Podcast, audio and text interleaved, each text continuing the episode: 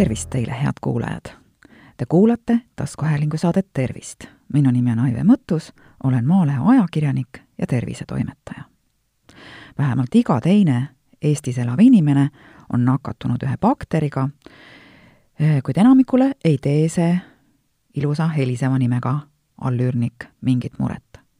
mõnikord aga võib bakter, mis kannab nime helikobakter, püülori, aktiveeruda ja põhjustada palju terviseprobleeme ja nii juhtus just ka ühe neljakümne seitsme aastase naisega, keda umbes viis aastat tagasi hakkasid kimbutama täiesti arusaamatud köhahood. põhjust justkui polnudki, naine polnud mingit viirushaigust endale külge saanud ega külmagi mitte ja kurk oli terve. ometi oli tal kogu aeg selline tunne, et kurgus on klomp, mida tahaks välja köhatada see oli väga häiriv. Läksin perearsti juurde, kes tegi mulle kõikvõimalikud kopsu-uuringud ja selgus, et kopsudega on kõik korras, rääkis see naine mõni aeg tagasi ajakirjale Tervis pluss. järgnesid imelikud seedehäired, puhitused ja allergiad, mida seni tal olnud polnud. jälle käis naine arstide juures, tegi allergiateste, aga kõik oli parimas korras. Hakkasin toitumist jälgima ja avastasin, et ei talu enam gluto-, gluteeni, laktoosi, kaseiini ega soojat perearst saatis mu gastroenteroloogi juurde nii-öelda mõõka neelama. olin selleks ajaks veidi internetis maovaevuste kohta uurimistööd teinud ja mul oli tekkinud kahtlus, et minu köhatamine on seotud hoopis mingi maohädaga. Et mul on refluksköha, mis tekib sellest, kui maolukuti ei pea maohapet korralikult kinni ja viskab selle söögitorru, kus see ärritab limas kesta ning ajabki köhima gastroenteroloog neuroloogil palusin ma omal algatusel võtta ka maost helikobakteri proovi, sest olin lugenud, et see bakter on paljude maoprobleemide põhjustaja, rääkis siis naine. ta sai aga jälle teada kõikide nende analüüside tulemusel, et kõik on hästi. Maavaevused ja köha läksid aga järjest hullemaks. perearst kirjutas välja ravimi liigse maohappesuse vastu. see küll aitas veidi, aga põhjustas ka ebameeldivaid kõrvaltoimeid ja naine proovis apteekidest äh, siis käsimüügilettidest saadaolevaid maoravimeid, mõni neist justkui aitas, mõni üldse mitte. ta pani aga tähele, et happelisi jooke ja toitusid ei kannatada enam üldse süüa. perspektiiv tundus väga nutune. ja sestap hakkas ta jälle kirjandust uurima. ei suutnud kuidagi uskuda, et kuigi tunneb ennast väga halvasti, on tegelikult terve kui purikas, nagu väitsid senised uuringud sisetunne ütles, et midagi on ikka valesti. panin kogutud materjali kokku ja läksin perearsti juurde. palusin tal teha väljaheiteproovist helikobakteri uuringud. Õnneks oli ta mu ideega päri ja tehtud need saidki. Ja proov näitaski, et mul on helikobakter, sõnab naine. miks siis äh, maost võetud analüüs midagi ei näidanud? selgitus on olemas helikobakter elutseb maos kolooniatena ja kui gastroenteroloog juhtub võtma proovi sealt, kus kolooniat parajasti pole, siis ei pruugigi see proov mitte midagi näidata. kui süüdlane tuvastatud, sai naine üsna vaevarikast ravi kolme ravimiga. Ta muutis ka toitumist, et süüdlasest bakteril poleks maos midagi süüa. köhast sai ta lahti kohe pärast ravi lõppu ja märkimisväärsed maeva, maovaevused kadusid samuti ajakirjale Tervis pluss rääkis ta, et magu on veel õrn, kuid taastub. ravist on pool aastat möödas ning mu elukvaliteet on tundmatuseni paremuse poole muutunud. ja ta ütleb teistele õpetuseks, minu loo moraal on kindlasti see, et tuleb leida probleemi põhisüüdlane, sest huupi ravimisega terveks ei saa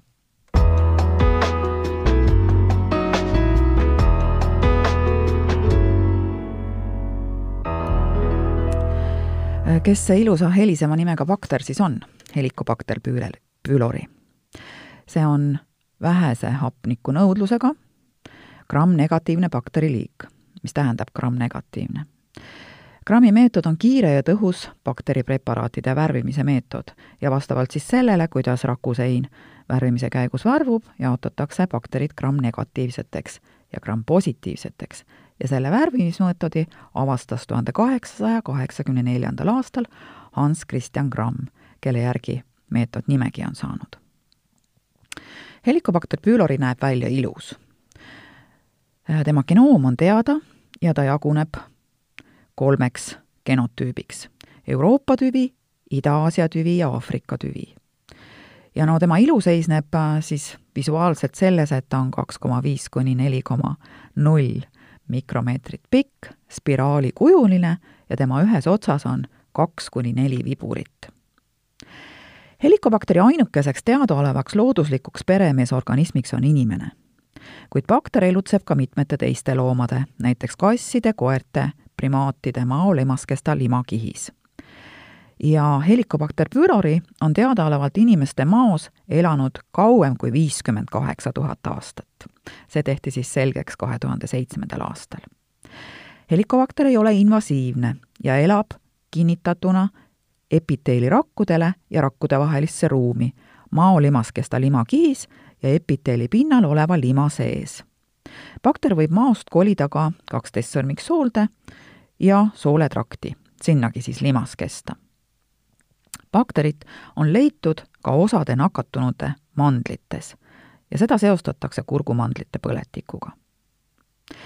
Helicobacter pylori paljuneb mao limaskestal ja eritab läbi mao happe limakihini jõudmiseks ureaasi, mis muundab maorakkude poolt komplekteeritava karbamiidi ammoniaagiks ja süsinikdioksiidiks. Ammoniaagi ja mõnede teiste ühendite olemasolu võib aga põhjustada maolimaskesta põletikku helikobakter eritab ka ühte teatud valku, mis kutsub esile paikse immuunosupressiooni ehk organismi normaalse immuunvastuse allasurumise. ja selle bakteri avastamislugu on tegelikult ka päris huvitav. tuhande kaheksasaja seitsmekümne viiendal aastal leidsid saksa anatoomid inimese maolimaskestast spiraalse bakteri. Kuid äh, neil ei õnnestunud seda kultuuri kasvatada ja avastus unustati aastal tuhat kaheksasada üheksakümmend kolm kirjeldas Itaalia patoloog Giulio Pizzosero ilmselt helikobakteri sarnast spiraalse kujuga bakterit koerte maos. ja peaaegu sajand hiljem, tuhande üheksasaja seitsmekümne neljandal aastal leidis professor Ivan Morozov Moskvas spiraalikujulisi baktereid patsientide kudedes pärast uitnärvi eemaldamist kuid avast-, kasvatamise meetod ei olnud mikrobioloogidele teada ja avastatud bakter ei saanud seetõttu tuntuks. bakteri nii-öelda taasavastas tuhande üheksasaja seitsmekümne üheksandal aastal ehk siis viis aastat hiljem Austraalia patoloog ja hematoloog Warren. ja kaks aastat hiljem kohtus seesama Robin Warren äh, Barry Marshalliga ja nad asusid koos seda bakterit uurima. ning nemad olidki esimesed, kellel õnnestus bakterit kunstlikel söötmetel kasvatada. Nad avastasid, et Helicobacter pylori põhjustab kaksteist sõrmiksooles ja maos haavandeid. varem arvati, et seda põhjustavad üksnes stress ja vürtsikas toit. meditsiini- ja teadusringkonnad aga ei suutnud eh, nende avastust kuidagiviisi tunnustada, arvates, et see bakter ei saa maos elada maa väga happelise keskkonna tõttu. alles üheksakümne neljandal aastal avaldas eh, siis US National Institute of Health soovitusliku kokkuleppeprogrammi, milles mainiti, et kroonilisi maavaevusi, siis ka haavandeid sealhulgas, võib põhjustada bakter nimega Helicobacter pylori. ja soovitas siis lisada vastavate maohaavandite ja gastriitide raviskeemi mitmeid antibiootikume. aga Warrenile ja Marshallile anti kahe tuhande viiendal aastal selle avastuse eest Nobeli füsioloogia ja meditsiini auhind.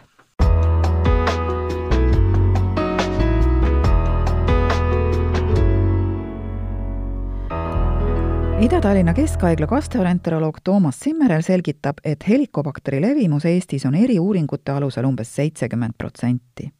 ehk üheksasada tuhat siinset inimest elab koos selle bakteriga nakkus kandub suu kaudu inimeselt inimesele ning tavaliselt juhtub see juba varases lapsepõlves ehk alla viieaastasena. nakkus võib levida emalt lapsele või veel sagedamini lastel omavahel, näiteks ühest joogipudelist juues. kuigi bakter on väga levinud, nimetab doktor Zimmerer kõige tähtsamaks ikkagi ema-isa lähedust ja kontakti oma lastega ning selle bakteri levitamise hirmus pole vaja hakata mingit distantsi hoidma. seda enam, et enamikul inimestest ei põhjusta bakterist kaasüüriline mingeid probleeme. kui vaevused tekivad, on nendeks enamasti aga ülakõhuvalu, iiveldus, röhatised, kerge kõhulahtisus. tihti jääb ebaselgeks, millega on vaevuste ägenemine seotud, kuid põhjused võivad olla suitsetamine, alkoholi tarbimine, ka mõnede valuvaigistite, näiteks ibuprofeen, diklofenak võtmine. Asja tuleks uurida, kui esinevad mainitud vaevused, tekib kaalulangus ja aneemia ehk kehv veresus või kui maouuringul on juhuslikult diagnoositud gastriit, mis on siis mao limaskesta põletik, või mao kaksteist sõrmiku haavand, räägib doktor.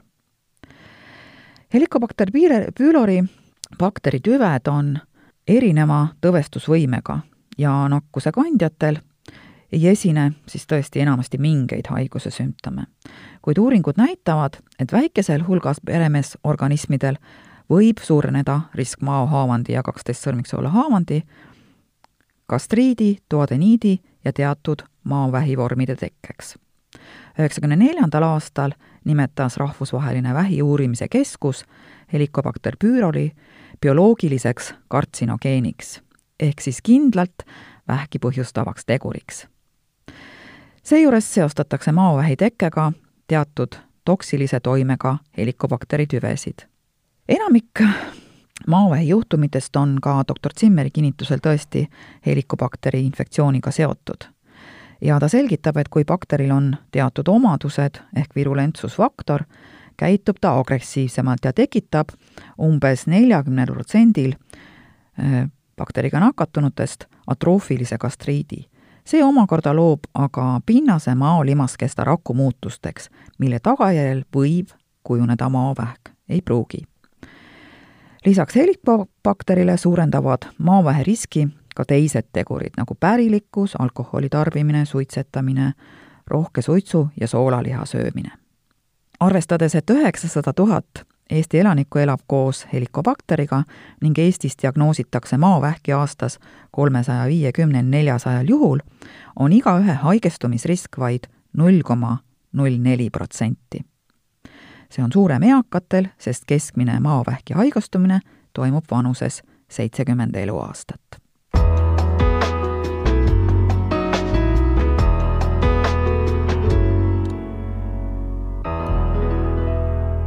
helikobakteri diagnoosimiseks on mitu võimalust, kuid tavaliselt eelistatakse meetodeid, millega saab baktereid ja ägedat infektsiooni otseselt tuvastada. kõige lihtsam on roojaproov. teine võimalus on endoskoopiline maouuring, mille käigus tehakse biopsia ehk võetakse siis maolimaskesta proovitükk ja saadud proovi abil tuvastatakse bakteri olemasolu. väga levinud on vereproov. immuunoglobulin G tuvastab immuunsüsteemi helikobakteri vastased antikehad ja võib olla positiivne nii ägeda kui läbivõetud infektsiooni korral. see test aga ei ole piisav infektsiooni diagnoosimiseks ja vajab täpsustamiseks siis üht eelnimetatud meetoditest, kas siis roojaproovi või maobiopsia uuringut.